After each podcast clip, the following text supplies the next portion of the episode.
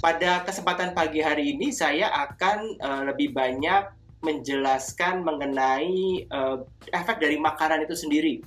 Gitu kita sering menyebut superfood uh, atau apa bidang ini di di apa jargon ini ya sering digunakan di media dan juga di industri dan saya setuju sekali dengan uh, ungkapan bahwa ini terminologinya nggak ada dan tidak jelas secara saintifik karena memang terminologi yang diciptakan oleh marketing. Ya yang bagaimana caranya menjual sebuah makanan supaya terlihat lebih superior dari yang lain.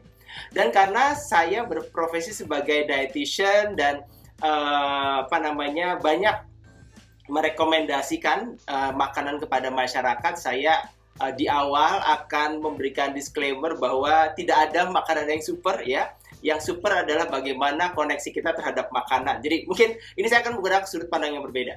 Superfood itu tidak ada definisinya ya kalau kita melihat di eh, apa namanya organisasi keilmuan atau organisasi keprofesian itu superfood ini uh, lebih banyak pada jargon-jargon yang muncul uh, akibat usaha untuk menjual makanan uh, atau produk olahan makanan atau suplemen makanan sehingga bisa diterima oleh pasar. Jadi uh, jargon ini memang uh, strategi marketing gitu. Sehingga uh, kita perlu bisa memisahkan meskipun kemudian tidak ada yang hitam dan putih ya. Artinya saya juga tidak bisa menampik bahwa ada beberapa jenis makanan yang memiliki zat gizi yang lebih banyak dibandingkan dengan makanan yang lain ya meskipun nggak super super amat itu tetapi ada kelebihan dan kekurangan ini juga di, perlu dipahami bahwa tidak semua se, semua bahan makanan itu ada bagian yang lebih dan ada yang kurang.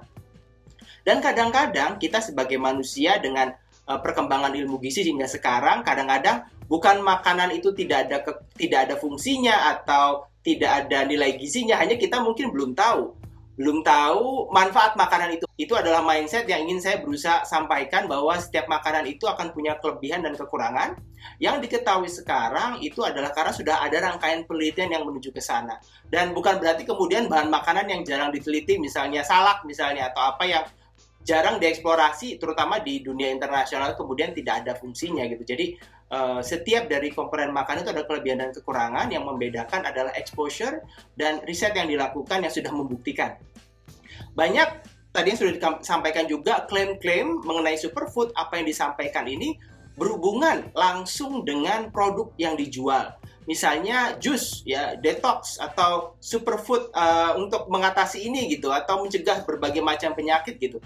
Kalau dilihat pasti ujung-ujungnya biasanya produk ya. Entah itu suplemen, entah itu apa komoditas ya yang misalnya kayak chia, quinoa, apalah segala macam gitu yang sering kita dengar ya yang sering juga diramaikan supaya kemudian masyarakat uh, terbentuk pasar dari masyarakat yang nggak tahu chia itu apa, quinoa itu apa. Sekarang orang sudah mulai melek dan demandnya meningkat gitu. Jadi itu luar biasanya orang marketing ya bisa menjual uh, produk tersebut dan sebenarnya kami sebagai akademisi juga merasa cukup saya secara personal ya kadang-kadang melihat bahwa kita itu karena sudah ada yang meliti di sana terus kita ikut-ikutan ke sana gitu sehingga jadi kebawa gitu arah dari risetnya. Karena dari situ sudah ada establish penelitian sebelumnya bahwa bubuk uh, atau dari chia atau flax itu meningkatkan akhirnya semua orang diarahkan ke sana gitu.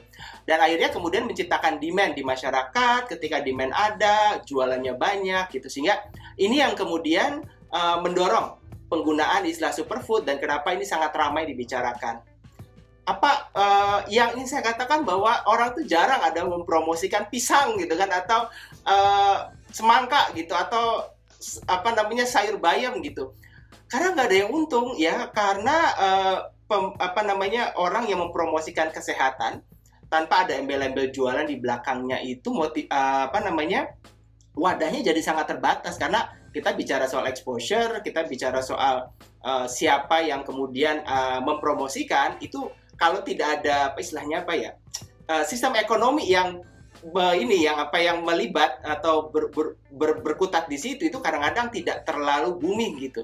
Justru yang banyak itu karena dia ada support funding dan segala macam. Jadi saya dalam kesempatan ini ingin sekali uh, mempromosikan bahan makanan yang sebenarnya di sekitar kita yang super juga ya cuma tidak banyak dipromosikan karena untungnya paling cuma buat petani gitu sama yang apa penjual di uh, di pasar gitu misalnya. Jadi ini yang kemudian uh, harapannya dari uh, seminar ini kita bisa punya mindset bersama mengenai superfood.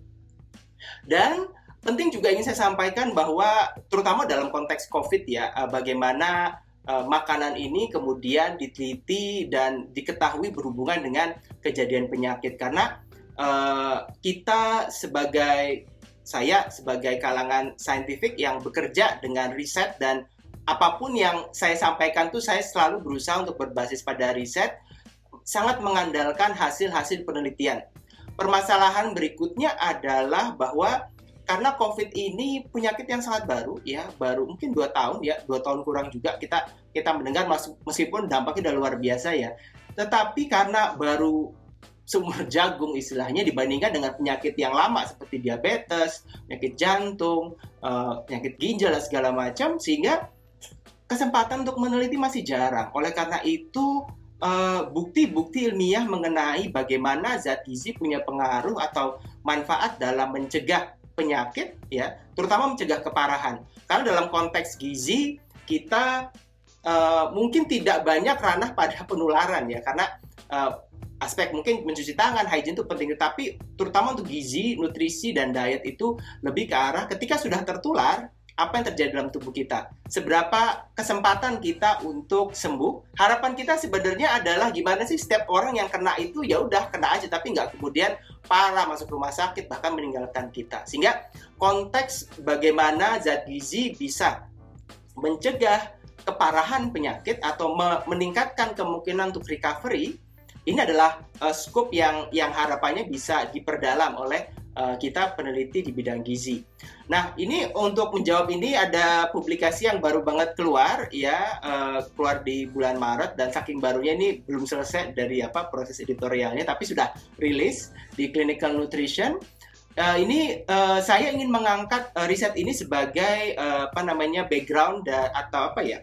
uh, sudut pandang uh, inti dari pemaparan ini karena sekali lagi saya ingin menghadirkan bukti ya uh, dan kebanyakan kita masih kalau kita melihat gizi dan COVID-19 itu masih dalam ranah uh, apa namanya pemikiran ahli review gitu kebanyakan atau sudut pandang perspektif masih sedikit yang memang benar-benar mem mem membuktikan bahwa sebuah mak makanan itu punya pengaruh terhadap uh, eh, COVID-19 gitu. Jadi ini yang penting juga untuk dipahami terutama kita yang ada di kalangan akademisi ataupun praktisi bahwa evidence base itu adalah yang penting. Ya, meskipun kita bisa mendengar expert opinion dalam sebuah review tapi melihat hasil dari sebuah riset itu adalah hal yang uh, penting. Nah, ini dari sini saya akan uh, melangkah untuk sedikit menggambarkan bagaimana sih makanan makanan ya uh, bisa membantu kita melawan COVID dalam arti kita uh, memiliki recovery yang bagus atau kecil kemungkinan kita untuk meninggal karena penyakit ini. Jadi bicara soal recovery, kenapa ini penting? Ya, uh, kenapa bicara soal kemungkinan kita untuk meninggal ini penting akibat COVID karena diketahui sudah dari awal mulai apa munculnya COVID itu sudah jelas bahwa tidak semua orang yang terkena ini kemudian akan sakit parah lalu kemudian meninggal. Berdasarkan data di dunia ini terakhir saya update kalau nggak salah kemarin ya, ini dari 193 juta orang luar biasa ya udah ratusan juta yang terkena uh, COVID-19 Uh, 98 persennya ini recovered. Jadi ini close case. Ya close case itu ya sudah kena, terus dilihat apakah dia meninggal atau survive. Nah yang survive ini 98 persen. Artinya ada dua persen orang ya dari 194 itu ada 4 juta antara 45 juta yang kemudian meninggal karena penyakit ini tetapi masih banyak lagi lebih banyak lagi yang uh, selamat dan bisa hidup normal seperti sebelumnya. Nah, bagaimana kondisinya di Indonesia? Kalau kita melihat sekali lagi ini uh, saya bukan epidemiolog ya, ini saya cuma uh, apa kasaran ngitung-ngitung aja. Nanti kalau ada yang ada yang salah bisa dibenerin. Jadi dari total uh, death dan recovered yang ada di di, di publikasi di Worldometer ini yang close case ada 3.500 di antaranya itu artinya sudah ketahuan dia ujungnya apa, dia apakah selamat atau meninggal dan ternyata kita yang selamat ini lebih sedikit dari rata-rata yang ada di dunia. Artinya memang orang Indonesia ketika terkena COVID memang lebih mudah atau lebih resikonya lebih tinggi untuk mengalami uh, untuk meninggal atau menjadi parah atau meninggal. Makanya recovery matters. Recovery ini adalah gambaran secara global bagaimana respon kita terhadap sebuah virus dan dari sini kita bisa melihat gimana sih eh, faktor-faktor uh, apa saja sih yang bisa mempengaruhi keselamatan kita atau kemungkinan kita untuk selamat dari uh, serangan virus ini.